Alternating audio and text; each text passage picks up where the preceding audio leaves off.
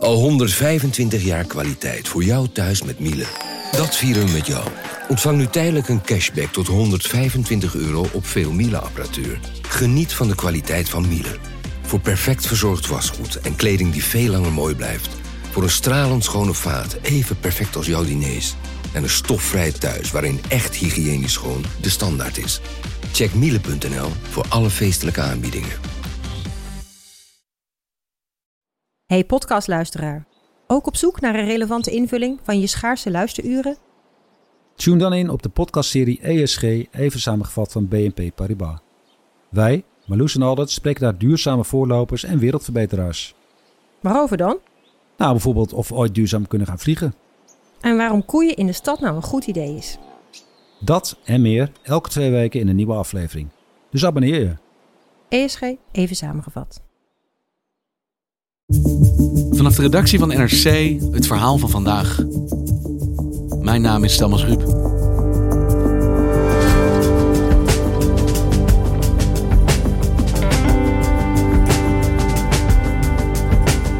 In 2017 vlucht Ali El Shoaig vanuit Bahrein naar Nederland. Hij vraagt asiel aan, dat vrijwel meteen wordt afgewezen. En na een jaar procederen wordt hij gedeporteerd. Eenmaal terug in Bahrein wordt hij opgepakt, vastgezet en volgens Amnesty gemarteld. Precies waar hij voor waarschuwde. NRC-redacteur Casper van Laarhoven sprak met Ali in de gevangenis. Hoe kon dit gebeuren?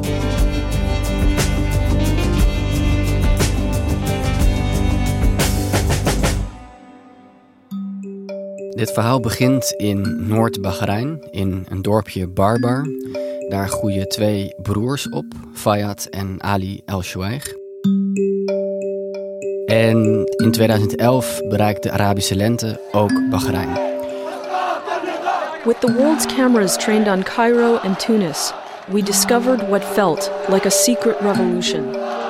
Bahrein is een land waar een Soenitische koning aan de macht is, al heel lang. En er ontstond onrust. Tens of thousands had come to Pearl Roundabout in the heart of the capital to call for democracy. Zij gingen demonstreren en Ali en Fayyad deden daar aan mee. En Fayyad was ook bezig met organiseren.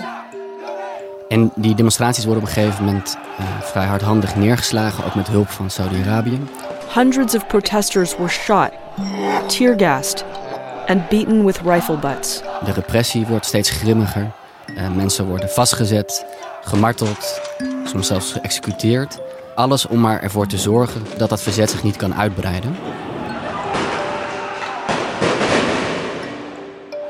En vervolgens verplaatst die opstand zich eigenlijk naar een soort ondergrondse oppositie.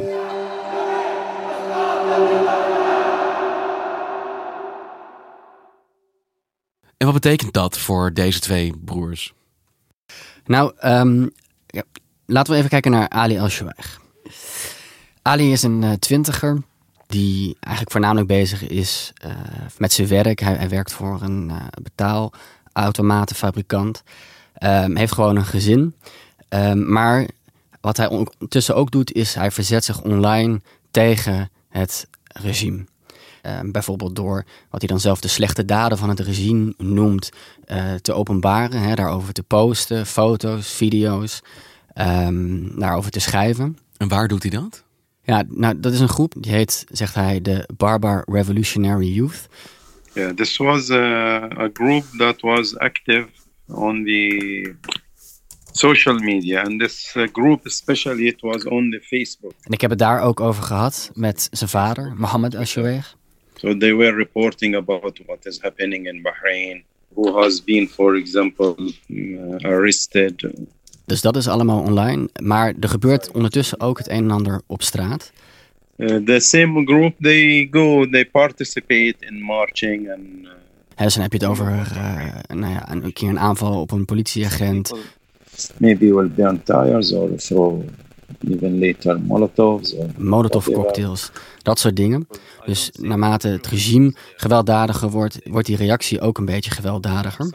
En uh, die broer die is daar meer toch bij betrokken. En Ali uh, is zijn verhaal, um, blijft daar ver van weg. But mostly it was peaceful on these things. Ali was quiet, not, not that much. En die broer die ehm, heeft in 2015 door dat het te gevaarlijk is voor hem om in Bahrein te blijven. Dus die vlucht dan al weg. En die komt in Duitsland terecht en die krijgt daar asiel. En Ali blijft achter met zijn gezin. Ja. En hoe vergaat het hem? Ja, in eerste instantie goed. Totdat er op een gegeven moment iets gebeurt. 1 januari 2017. Dan ehm, ontsnappen er tien gevangenen uit de Jau-gevangenis in Bahrein. En dat is een hele beruchte gevangenis waar ook heel veel politieke gevangenen zitten. In eerste instantie gaat dat goed. Maar op een gegeven moment eh, krijgt de Bahreinse kustwacht ze in de smiezen. En dan ontstaat er een vuurgevecht. En daar komen dan uiteindelijk drie mensen bij om. Drie van die vluchters. Een gigantische geweldsexplosie op zee. Ja, precies. Nou, een van die mensen die dan gearresteerd wordt, is een lid van die groep, Barba Revolutionary Youth, waar Ali ook toe behoort. En dus op het moment dat vrienden van jou opgepakt worden, en dit is ook de zorg geweest van Ali, dan gaan ze praten, hè, dan worden ze onder druk gezet. Het kan zijn dat ze gemarteld worden. En dan kan het zijn dat jouw naam ook genoemd wordt. En omdat er dus twee jongens uit het online verzet gearresteerd waren, dacht hij, ik moet nu weg. Hij wordt bang. Hij wordt bang. Het wordt hem te heet onder de voeten. Hij, moet weg en uh, diezelfde dag nog pakt hij een vliegtuig. En later op die dag is hij in Iran. En dan langzaam maar zeker wordt duidelijk wat eigenlijk de omvang is geweest van die operatie. Dus die operatie op zee. Maar eigenlijk de soort kettingreactie die daarop volgt. Waarbij steeds meer jongens uit Barbar, dus uit dat dorp waar hij ook vandaan komt, worden opgepakt. Steeds meer mensen ook met wie hij zichzelf, naar eigen zeggen, online verzetten. En dan maakt hij een nieuw plan. Het nieuwe plan is Nederland.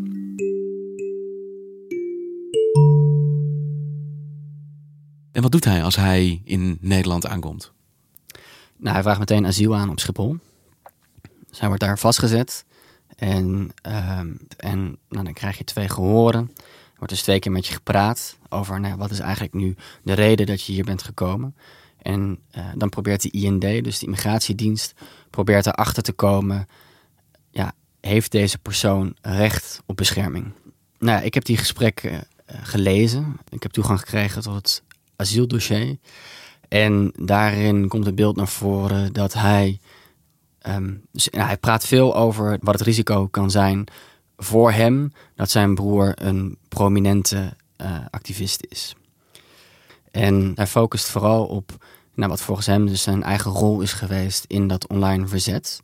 En wat de IND dan probeert is, die probeert eigenlijk duidelijk te krijgen of dat verhaal klopt. Dus die proberen um, vragen te stellen waaruit blijkt van oké, heeft deze persoon die informatie uh, waar hij over zegt te beschikken? Kent hij bepaalde mensen die die zegt te kennen? Uh, is zijn verhaal coherent? En hoe verlopen die gesprekken voor hem? Ja, slecht. De IND gelooft hem niet. Het heeft eigenlijk met twee dingen te maken.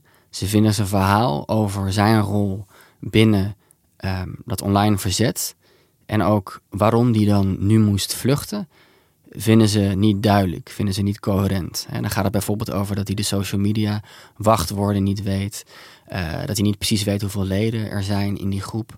Terwijl hij dan zelf zegt van ja, op een gegeven moment zijn, is die verantwoordelijkheid voor het plaatsen van die stukken is naar Duitsland verhuisd, eigenlijk mee met die broer. Dus ja, ik had die social media wachtwoorden niet meer, ik kan er wel aan komen. Ja, we wisten niet precies hoeveel leden, want Um, ja, het was slimmer om niet van elkaar te weten of je erbij betrokken was. Juist omdat we weten dat we gemarteld kunnen worden. En het tweede aspect uh, dat de IND niet gelooft, heeft te maken met die broer. Die broer is dus in 2015 naar Duitsland gevlucht. En kort na dat bootincident is er een opsporingsbericht uitgegaan via Interpol. Heeft de Duitse politie hem aangehouden en verhoord. Maar die heeft hem vrijgelaten. En um, Ali heeft dat gebruikt in zijn gehoor. Die heeft gezegd: Kijk, Bahrein zoekt mijn broer. En wat Bahrein vaker doet, is als ze niet bij iemand kunnen komen, dan proberen ze een familielid te pakken. Dus hij vreesde eigenlijk dat de verdenking tegen zijn broer, dat dat problematisch was voor hem. En de IND zegt van, nou, je hebt niet aangetoond uh, dat dat zo is, dat die link er is tussen die verdenking tegen je broer en uh, het risico dat jij zelf loopt. En dat betekent dat hij terug moet. Hij krijgt geen asiel. Precies. En Ali, wat doet hij als hij dat hoort? Ja, hij gaat samen met zijn advocaat in beroep. Um, dus hij, hij, heeft dan eigenlijk nog een jaar in totaal dat hij in Nederland verblijft. Hij gaat naar een AZC. Ehm, maar dat mislukt. Verschillende rechters buigen zich over die zaak, maar dat levert niks op. Dan komen er vertrekgesprekken. dus dan gaat hij praten met de dienst die er eigenlijk verantwoordelijk voor is dat hij uitgezet wordt. En dan zegt hij, ja, stuur me overal heen, maar niet naar Bahrein. Niet naar huis? Niet naar huis. Maar um, ehm, 20 oktober wordt hij uitgezet. Twee marechaussees vliegen dan met hem mee. Uh, dat gebeurt vaker bij uitzettingen, omdat dan in de vliegtuigen anders tumult ontstaat. Mensen worden vaak heel bang, gaan schreeuwen. En dan worden dus marechaussees meegestuurd om dat te begeleiden. En uh, nou, op het moment dat hij in Manama, hoofdstad van Bahrein, aankomt, weigeren die marechaussees om hem zijn paspoort terug te geven. En uh, geven ze hem aan de politie die daar al staat te wachten op Ali. Ze dragen hem persoonlijk over aan de autoriteiten. Ja, en dat doen ze vaker omdat ze, hè, om zijn uitzetting eigenlijk goed neer te kunnen zetten volgens de dienst die daar verantwoordelijk voor is, is het goed om contact te hebben met de mensen uh, die hen daar opwachten. Het enige is dus inderdaad dat mensen het risico lopen dat ze meteen in de handen komen van degene die ze zo vrezen. En dat gebeurt dus in het geval van Ali. Ja. Hij wordt gearresteerd en dan hoort men een hele lange tijd niets.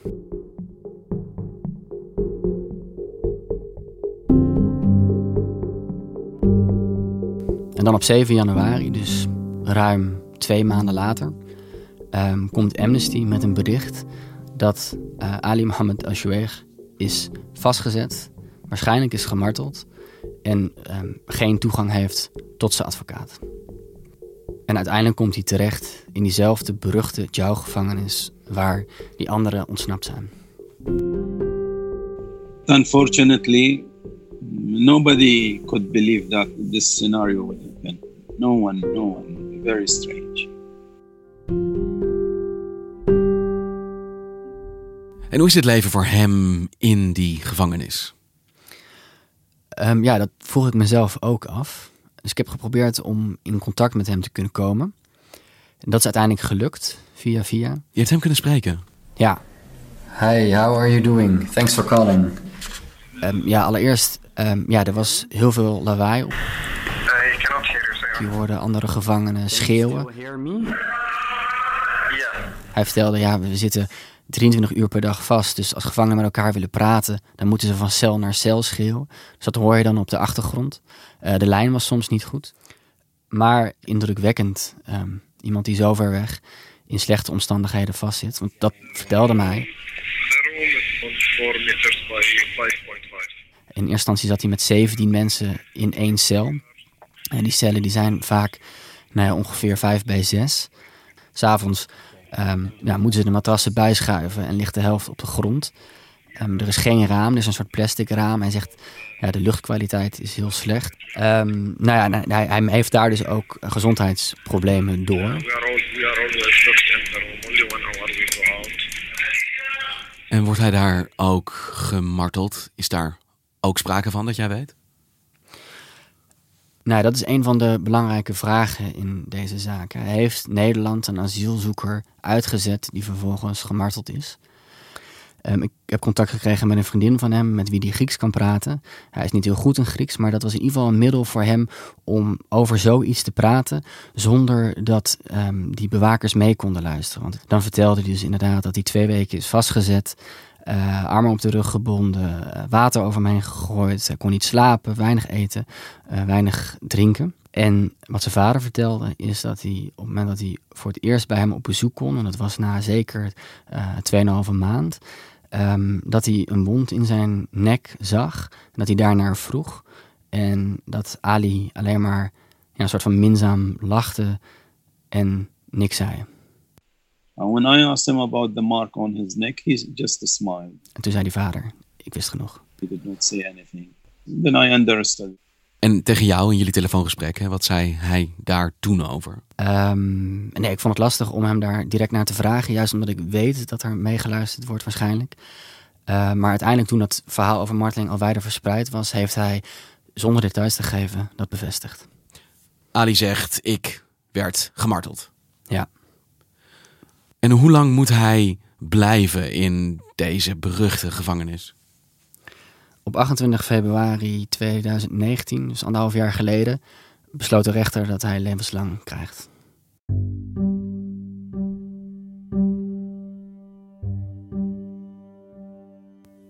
Dus Casper, Nederland geloofde hem niet. Zij dachten hij loopt niet daadwerkelijk gevaar. Hij overdrijft misschien zijn rol in het verzet. Maar bij aankomst wordt hij direct gearresteerd en krijgt levenslang opgelegd. Wat bracht dat hier teweeg? Wat gebeurt er dan vervolgens in Nederland? Nou, een, een deel van de Tweede Kamer was daar behoorlijk gepikeerd over. En dan komt er een interpellatiedebat. En daarin wordt Mark Harbers, de staatssec toenmalig staatssecretaris uh, van asiel en migratie, wordt ondervraagd hierover. Een interpellatie. Voorzitter, ze hebben me gemarteld. Al dus de heer Al-Shawaik in NRC van gisteren vanuit de gevangenis. De staatssecretaris zegt: um, we laten de inspectie van het ministerie van Justitie en Veiligheid hier naar kijken, naar wat is er gebeurd in die zaak. Een onderzoek. Ja. Um, die rapporten die worden nooit gepubliceerd. Maar ik heb daar toegang tot gekregen. En uh, om nou eigenlijk te kunnen zeggen van... Ja, is dit goed gegaan of zijn hier toch fouten gemaakt... heb ik dat voorgelegd aan vier migratierecht-experts. Nou, um, een van de dingen, en daar uh, zijn die experts eigenlijk het meest verbolgen over... is dat de IND op het moment dat een asielzoeker een verhaal vertelt... zelf ook een verantwoordelijkheid heeft om dat verhaal te gaan verifiëren. En er waren op dat moment publicaties die uh, aantonen dat familieleden van activisten die gevlucht waren, vervolgd werden. Ze zeggen de IND had eigenlijk helemaal niet genoeg kennis om een reële inschatting te kunnen maken van het risico dat Ali liep. Ze hadden meer onderzoek moeten doen. En een ander opvallend aspect aan uh, die rapporten, dus eigenlijk het addendum, de aanvulling op dat eerste rapport, is dat um, de Nederlandse ambassadeur in Kuwait, en die is ook geaccrediteerd voor Bahrein, die zegt: waarom hebben ze mij niet gebeld? Als ze mij hadden gebeld, niet achteraf, maar tijdens die procedure, dan had ik ze verteld: ja, het is inderdaad zo dat die Shia-mannen gevaar lopen. En helemaal omdat hij ook nog in Iran is geweest, de aardsvijand van het regime in Bahrein. Hij zegt: ik had heel anders geadviseerd als jullie mij maar om informatie hadden gevraagd. Precies.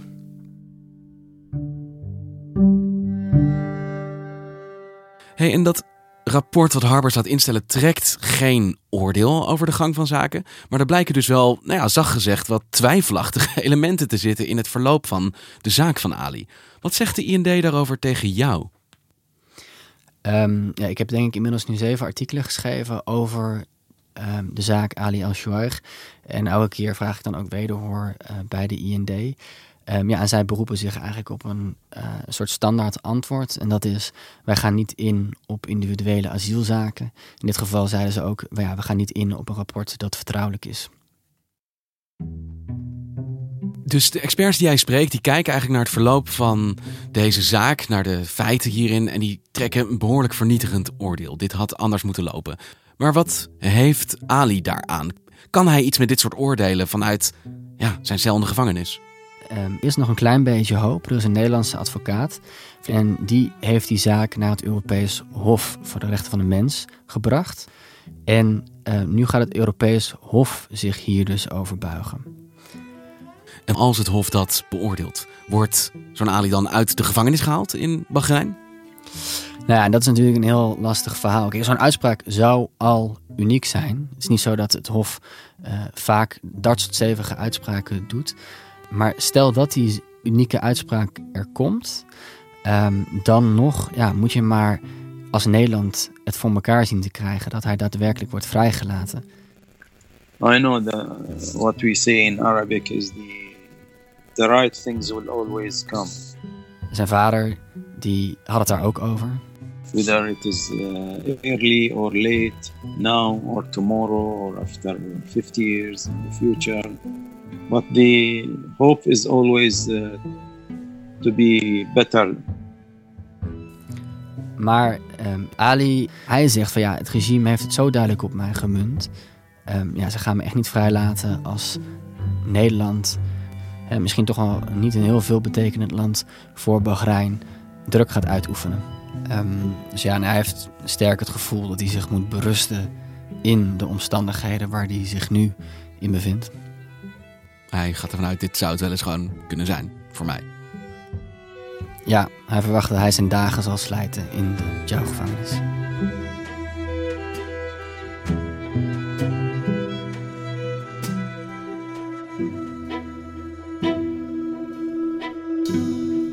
Dankjewel, Casper. Graag gedaan, Thomas.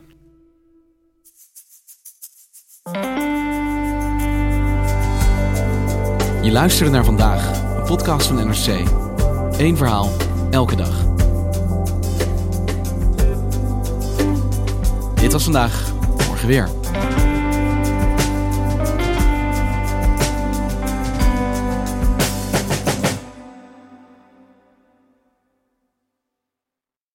Technologie lijkt tegenwoordig het antwoord op iedere uitdaging.